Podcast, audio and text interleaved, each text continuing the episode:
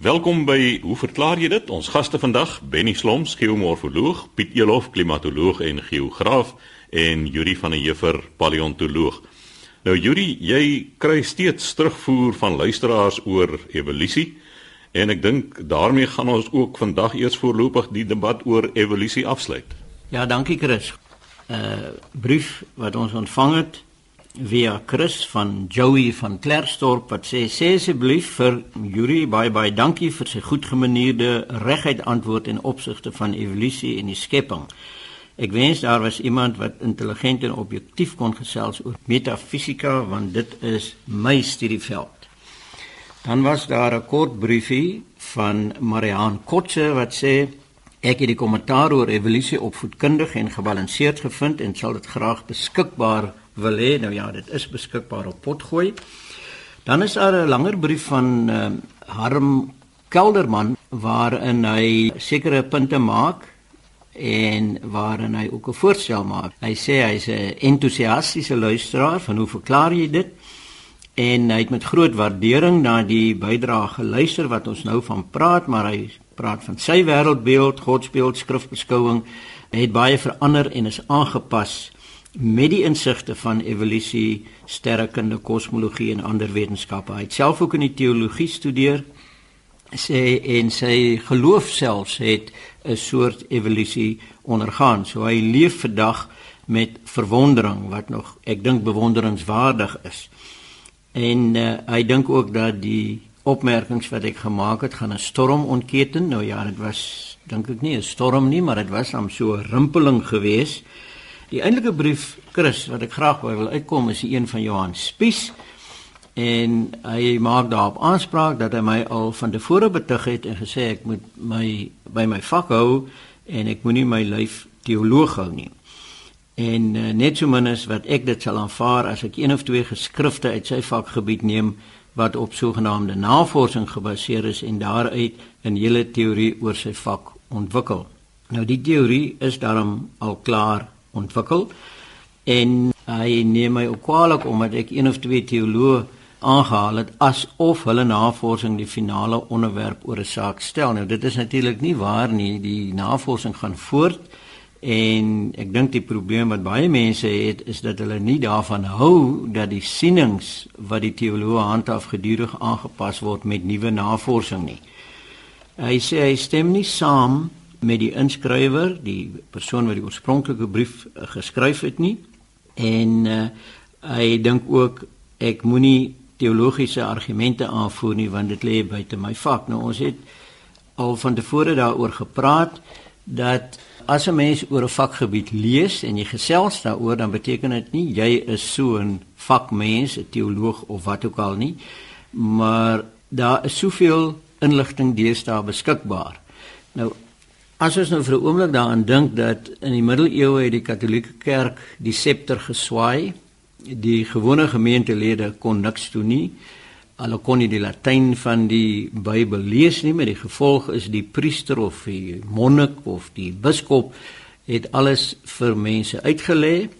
Die pragtige gebrandskilderde vensters wat 'n mens gekry het in daardie dae het dikwels Bybelse tonele voorgestel wat dan 'n soort van 'n illustrasie vir die gemeentelede gewees het om sekere begrippe oor te dra. En dit is juis een van die punte waar oor Luther en Calvin die reformatie aan die gang gesit het dat die gemeentelid behoort eintlik meer te weet. Daarom was hulle so sterk ingestel op die oprigting van skole sodat elkeen moet kan leer lees en dat jy die Bybel in jou eie taal kan lees. Ons is natuurlik in Suid-Afrika so 'n bietjie geïntimideer gewees gedurende die apartheidsjare omdat daar 'n spesifieke leesmanier van die Bybel vir ons voorgestel is. Nou natuurlik met die koms van die rekenaars het ons al die Bybelvertalings op rekenaar van die Septuaginta af tot die nuutste vertalings en 'n persoon kan gaan sit en jy kan dit lees en jy kan dit vergelyk. En een van die punte juis wat 'n persoon soos Bart Eerman maak is dat as 'n mens die vier evangelies so lees langs mekaar, nie na mekaar nie en dan kan jy die tekste direk vergelyk en dan kan 'n mens sien wat eintlik daar staan en hoekom so baie mense probleme daarmee het. Nou sê Johan Spies hier, maar om hierdie sake te bespreek moet ons teoloë kry. Nou die program is nie 'n teologiese program nie. Daar is verskeie programme, teologiese programme, dwars deur die week en op Sondae op RSG. En as 'n mens nou sou sê dat jy moet 'n teoloog op 'n wetenskapprogram hê, dan kan ons miskien vra dat ons op elke teologiese program 'n wetenskaplike moet hê, want die biologie kan in baie gevalle help deur uh, ongeruimthede uit te wys en so aan en ek is seker Johan, jy sou nie dit wou hê nie. En as 'n mens dus oor 'n sekere vakgebied lees en daaroor praat, wil ek net weer herhaal, dan beteken dit nie jy is 'n teoloog wat nou teologiese uitsprake lewer nie. En dan as jy mens in die oorspronklike brief kyk, dan sien jy dat die persoon het 'n anti-wetenskaplike houding. En dis nie verkeerd nie. Mens kan anti-wetenskaplik wees. Jy kan wetenskaplike beriggewing en wetenskaplike navorsing en resultate kan jy met die grootste liefde kritiseer. En jy kan dit weer lê indien jy beter wetenskaplike navorsing het om dit mee te doen, bewese navorsing. Maar wat in die meeste gevalle gebeur is dat iemand sê ek hou nie van evolusie nie. Ons het 'n brief gekry van 'n uh, man wat sê hy's die agterkleinkind van Paul Kruger en dat Paul Kruger het nie in evolusie geglo nie. Trouwens ek dink Paul Kruger het nog geglo die aarde is plat en hy glo nou ook nie in evolusie nie. Nou as 'n mens dan gekonfronteer word op 'n wetenskapprogram met sogenaamde data wat evolusie weer lê, maar die data kom uit die Heilige Skrif. Dan is die gewone wetenskaplike metode toets die data. En dit is bloot wat ons in hierdie geval gedoen het om dan te sê jou bron wat jy die wetenskap mee weer lê, het sekere skete vanuit 'n wetenskaplike oogpunt. En predikante sê dikwels in preke onthou die Bybel is nie 'n wetenskaplike handboek nie. En daarom kan 'n mens nie so 'n kulturele geskrif met insigte van die tyd toe dit geskryf is nou aanvaar as 'n feit en dan sê huidige wetenskaplike inligting kan ons daarmee weer lê nie. So dit is in die eerste plek nie 'n teologiese program nie. Ons hoef nie hier 'n teoloog te hê nie, net soos 'n mens nie wetenskaplik is op die teologieprogramme hê nie. En uh, daarmee Chris dink ek sal ek volstaan. Aldus Juri van der Juffer, ons paleontoloog. Dit is hoe verklaar jy dit? En ons gas wat volgende aan die beurt kom, Benny Sloms, geomorfoloog. Benny, jy gesels oor die swart grond wat aangetref word in die omgewing van Humansdorp daar in die Ooskaap. Dankie Chris. Hein Steenkamp van die Humansdorp omgewing het 'n grondmonster aan Piet Elof gestuur en die grondmonster is blykbaar afkomstig van die plaas Suurfontein so wat 10 km van Humansdorp en die eienaar vermoed ek daar is Jacques Steenkamp. Hy het 'n paar vrae rondom hierdie grond. Eerstens, dit is swart. Die materiaal wat Piet vir my gebring het, is swart en die kleur is natuurlik as gevolg van die groot hoeveelheid organiese materiaal wat binne in daardie grondmonster is. Nou waar kom die organiese materiaal sou die eerste vraag wees. Die geneese van organiese materiaal aansameling vereis gewoonlik dat jy op 'n koel hang is waar jy nie direkte sonskyn het nie, verkieslik vogtig of nat van organiese materiaal samel aan in vogtige omstandighede Onder sulke nat toestande is daar gewoonlik anaerobe kondisies wat die afbreek van organiese materiaal verstadig of selfs verhinder. En hierdie tipe van toestande kry ons aan die suidelike hange van die bergreekse wat daar afloop in die Suid-Kaap, soos byvoorbeeld die Outeniqua berge en die Tsitsikamma berge. En hierdie grond kom vermoedelik uit so 'n omgewing uit waar organiese materiaal kan aansamel. 'n Tweede vraag wat Hein vra is: hierdie grond word baie hard, veral as hy droog is. Nou in die monster wat ek van Piet gekry het, was daar klonte van hierdie grond en dit was inderdaad baie hard. En ek kan myself indink dat 'n uh, oppervlakte sal heeltemal verhard aan die bokant veral as daar redelike verkeer, voertuigverkeer op hierdie materiaal is. As jy dit egter nat maak, dan is dit sag. So ek het hierdie uh, grond nat gemaak, getoets vir klei. Daar's minder as 5% klei in hierdie monster. In teenstelling wat 'n mens sou verwag as jy die eerste keer daarna kyk, jy sal dink hy sal 'n redelike hoë kleipersentasie hê. Daar's omtrent niks. Die monster bestaan hoofsaaklik uit baie baie fyn sandfraksie. En hierdie sandkorrels is oordek met organiese materiaal en daar's natuurlik ook baie fyn organiese materiaal tussenin. Soveel so dat in die droë toestand is hierdie grond hidrofoob. Nou dit is 'n toestand wanneer water nie in die grond kan indring nie, die water loop so op daardie materiaal af. Dit is as gevolg van swamme wat harse en vette afskei en ook sommige bakterieë en dit gaan sit rondom die oppervlak van hierdie sandkorreltjies. So die water kan nie direk kontak maak met die grondpartikel self nie en dit loop af. 'n Verskynsel wat baie bekend is hier in die Weskaap op ons sande, veral aan die einde van die somer, waar ons 'n warm droë somer gehad het en al die hygroskopiese vog is afgedryf van jou grondmateriaal. Soos ek gesê het, dis hoofsaaklik 'n hoë fynsandfraksie met bittermin, medium en grove fragmente. Feitelik niks in daardie monster. So die verdigting, die verharding by uitdroging is as gevolg van die digte pakking wat gevorm word tydens die droë toestand daarso. Dan vra hy ook of hy sê dat die grond rook en die grond word warm. Nou hy die enigste manier hoe hierdie grond sal rook is wanneer daar vuur ondergronds aan die gang is. Dit is 'n algemene feit, baie bekende feit dat dik organiese materiaal afsettings na veldbrand ook aan die brand gesteek word dis as gevolg van boomstamme en wortels wat brand en dan steek hy die organiese materiaal as te ware in brand ondergronds en hierdie vuur kan vir maande aanhou en dan kry jy die rook wat uitstyg nater en krake in die grond. Nou ek wil net vir die luisteraar sê dat indien jy so iets sou teekom en dit kom voor, moet tog asseblief nie daar gaan rondstap nie, want in baie gevalle kry jy dat daar letterlik holtes onderkant die oppervlakte gevorm word waar die materiaal verbrand is. As jy daar sou deurtrap, dan kan jy ernstige brandwonde opdoen.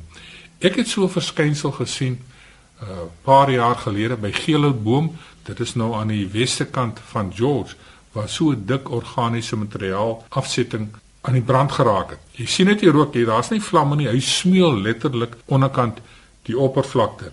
Dan vra Hein ook Is dit swaal wat rook? Nee, dis nie swaal nie. Dit is bloot 'n vuur daarso.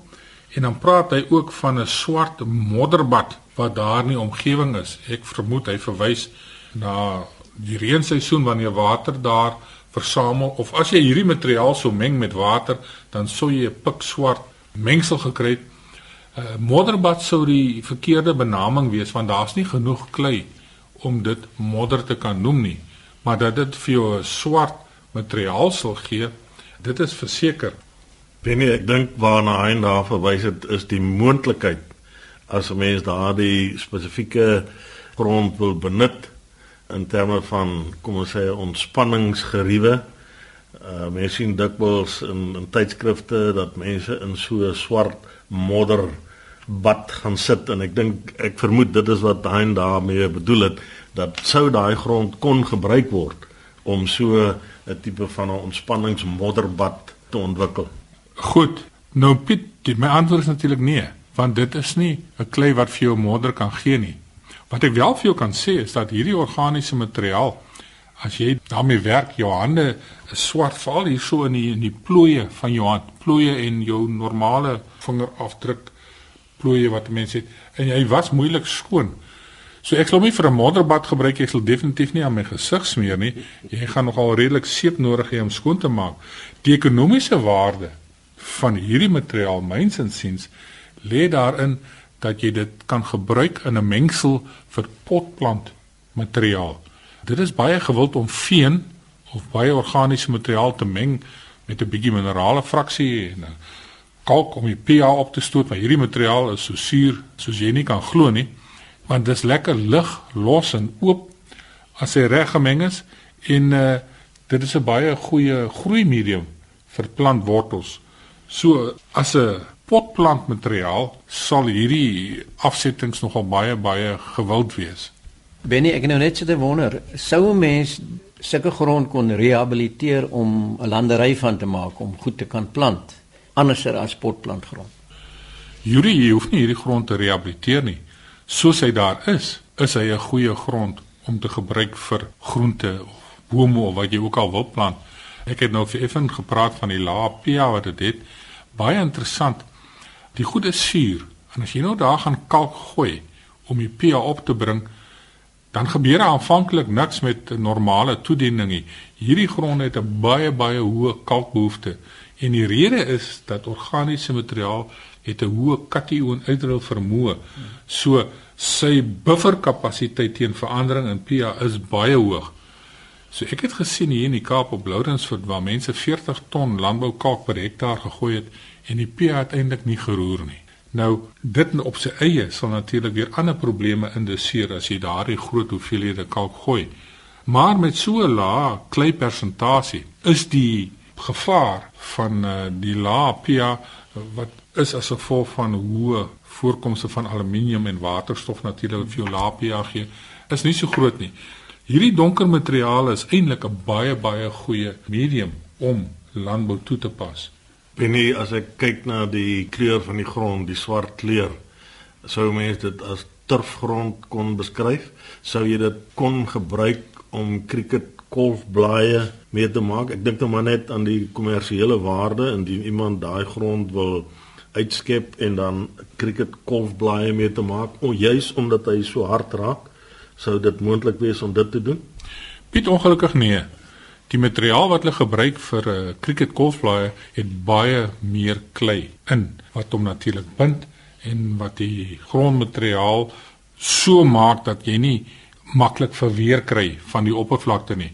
Hierdie materiaal op sy eie as jy dit sou gebruik as 'n cricket golfblad en teen die spoedwaar teen die ouens deesdae bou, dis sommer gou-gou, sommer in die eerste 5 bulbeete sal jy al klaar gate in hierdie materiaal gebou het en jy sal hom ook nie so dig gekompakteer kry met rollers dat hy sal hou veral nie vir 'n 5-dag wedstryd nie. Ons het meer klei daarvoor nodig. Benny net baie kortliks ek lei nou af jy het verwys na die pH van die grond dat 'n mens met die ontleding van so grondmonster nie net daarna kyk en dit bietjie nat maak en so om te bepaal wat die gehalte van die grond is nie. Jy verwys hier na die chemiese gehalte. Natuurlik nie Chris, mens kan nie die chemie voel met jou vingers nie. Maar wat ek nou hier genoem het van die lae pH, dit is uit ondervinding uit van daardie materiale wat ek nou maar deur die jare van weet. Organiese gronde wat hoog is in organiese materiaal, veral in die hoë reënvalgebiede, dis immers waar jy hulle kry, het hierdie probleem van 'n lae pH en 'n baie hoë kalkbehoefte indien jy daarmee sou wou werk. Aldus Benny Sloms, ons geomorfoloog, laas dan die woord Piet Elof, ons klimatoloog. Piet, jy gaan gesels oor storms en oorstromings onder andere in die Karoo. Ja, Chris, ek het hier 'n brief ontvang van Annetjie van Staden van Randburg.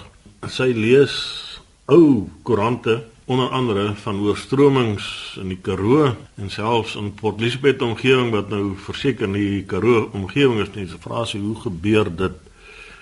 Nou Annetjie, ek dink die oorstromings waarna jy verwys in Port Elizabeth omgewing is hier min of meer Oktober 1968 gewees. By daai geleentheid het uh, Port Elizabeth nog aan die ou taal 23 duim reën binne 24 uur gehad en die koerante het nogal geskryf the biggest cloudburst in the history of South Africa. Nou by daai geleentheid dink dit was hier September Sondagoggend was daar 11 mense dood in daardie oorstromings wat daar voorgekom het en dit is eintlik dan nou stormwater wat deur die Bakensrivier se loop wat verander het en dis deur fabrieksgeboue en deur residensiële areas het dit gestroom. My waarheid te sê, ek het ook foto's gesien van die Boet Erasmus rugby stadion wat eintlik vandag nou nie meer gebruik word nie omdat daar nou 'n ander groot stadion gebou is ter ere van 'n vorige president van ons, maar die Boet Erasmus Stadion is ook oorstroom toevallig het ek self 'n hele klompie wedstryde op daai Boet Erasmus Stadion gespeel. Nou wat interessant is is dat die storm het nie regtig oor die bruin en swart woongebiede as ons nou so kan noem uit die vorige bestel uitgebreek nie. En indien dit die geval was, sou ons waarskynlik 'n groter lewensverlies gehad het as gevolg van die strukture waarbinne daai mense gewoon het. Uh omgewing wat ons destyds geken het as Happy Valley waar dit baie aangename plek was om te besoek met al sy liggies en sy grasperke en goed, die is natuurlik in daardie spesifieke storm totaal verwoes. Nou dit kan gebeur dat daar van tyd tot tyd sulke wolkbreuke voorkom. Daar's 'n hele klompie faktore wat aanleiding gee daartoe wanneer spesifieke omstandighede ontwikkel waar daar geweldige sterk konveksie strome ontwikkel en dan die wolke met die gepaardgaande reën wat daarmee gepaard gaan. Dit is inderdaad wat in hierdie spesifieke omgewing ook gebeur het. En dan wil ek net kortliks verwys, mense kan dalk aan 'n volgende programme wat meer daaroor sê oor die Lensburg vloed van 1981 in daardie spesifieke vloed het daar ongeveer 100 mense sover ek kon vasstel het die lewe gelaat waarvan omtrent net 32 van die lyke gevind is die ander 72 is sover ek weet nog vandag nie gevind nie en dit kan wees dat hulle ergens in 'n groot dam beland het nou in hierdie geval was dit 'n kwessie van 'n wat ons noem 'n afknyplaag in Engels praat hulle van 'n cut off low En dit het nie oor Lensburg uitgesak nie. Dit is noord van Lensburg waar hierdie geweldige swaar reënbuie uitgesak het. En dit was die Vrydag en die Saterdag en die Sondag hier by 25 Januarie 1981 gewees. En die Buffelsrivier is die een wat daar by Lensburg verbyvloei. Nou mense wat daar op die N1 ry, die sal dikwels sien daar's omtrent nie water in die rivier nie, op tydjie glad nie water nie maar twee riviere noord daarvan, die Baviaansrivier en die Wilgenhout rivier, het dan nou saamgeloop en daar het iets soos 425 mm reën uitgesak in daai omgewing as gevolg van hierdie diep of skerp afknyplaag eh, waar daai omgewing normaalweg gemiddeld 175 mm per jaar kry het hier binne 'n kwessie van 'n dag of 2 425 mm reën uitgesak in die moordenaars Karoo. Nou dit dit eintlik is die term moordenaars Karoo in hierdie oorstromings op Belynsburg plaasgevind dit is eintlik 'n bietjie uh, amper sê kommerwekkend want daar is letterlik 100 mense kom ons sê tussen aanhalingstekens vermoor in daardie storm. Die interessante daarom is dat baie van die mense was mense wat in ouer huise gewees het En as reisigers deur Lensburg ry, kyk maar op die middelmannetjie as jy daar by een of twee van daardie moederhawens verbyry op die middelmannetjie op daardie ligpale is daar 'n teken wat vir jou sê wat die hoogte van die water was en dan vergelyk jy as jy met jou voertuig daar deur ry hoe ver jy bo kan daai waterlyn sou wees of nie. Weereens met al die negatiewe dinge wat rondom 'n vorige bestel gesê word was mense wat in die sogenaamde bruin of swart woongebiede was, was baie veiliger want hulle was hoër, hulle het op hoër grond was die huise gebou. Gaan kyk jy vandag in Lensburg, al die nuwe huise wat gebou word, is eintlik op 'n hoër vlak gebou, soos wat jy Lensburg inkom van die Kaapse kant af. Dit buite daardie, kom ons sê die 100 jaar vloedlyn van die rivier gebou. Ek dink wat 'n mens moet in gedagte hou is dat die tyd toe hierdie dorpe gestig is en ontwikkel is, was daar nie altyd plastiekpype om water aan te lê of so nie. So baie van die huise is gebou en die erwe was geleë baie naby aan die rivier sodat water maklik bekom kan word en mense hulle tuine kon nat lê. En dit is eintlik waar 'n groot probleem ontstaan het. Daar was nog nie genoeg inligting beskikbaar om byvoorbeeld 'n 50 jaar vloedlyn of 'n 100 jaar vloedlyn te bepaal nie en mense het dus gewoon baie naby aan wat eintlik gevaarlike omgewings was. Daar het hulle hulle gevestig en ek vermoed dis een van die groot redes waarom daar soveel lewensverlies was in daardie spesifieke omgewing. Maar Annetjie, ek moet vir jou sê dit is nie ongewoon om van tyd tot tyd sulke storms te kry in die Karoo nie. Dit is dis moontlik ook elders in die land as gevolg van amper wil ek sê die wispelturigheid van ons weer. Ons het 'n handboekie gehad op universiteit. Die titel van die handboek was The Restless Atmosphere. Nou die atmosfeer en die weer, die rus nooit nie. Piet, ten slotte wil ek daarom net sê ek het so 'n week of wat na daardie vloed van Johannesburg af Kaap toe gevlieg en toe het ons toevallig net noord van Lensburg oor daardie area gevlieg en mens kon baie duidelik sien al die verspoelings, die slote, daar was geen water meer in nie maar dit het nogal 'n baie goeie prentjie uit die lug uit gegee van hoe al hierdie slote bymekaar moes kom en dan afgevloei het na Lensburg toe.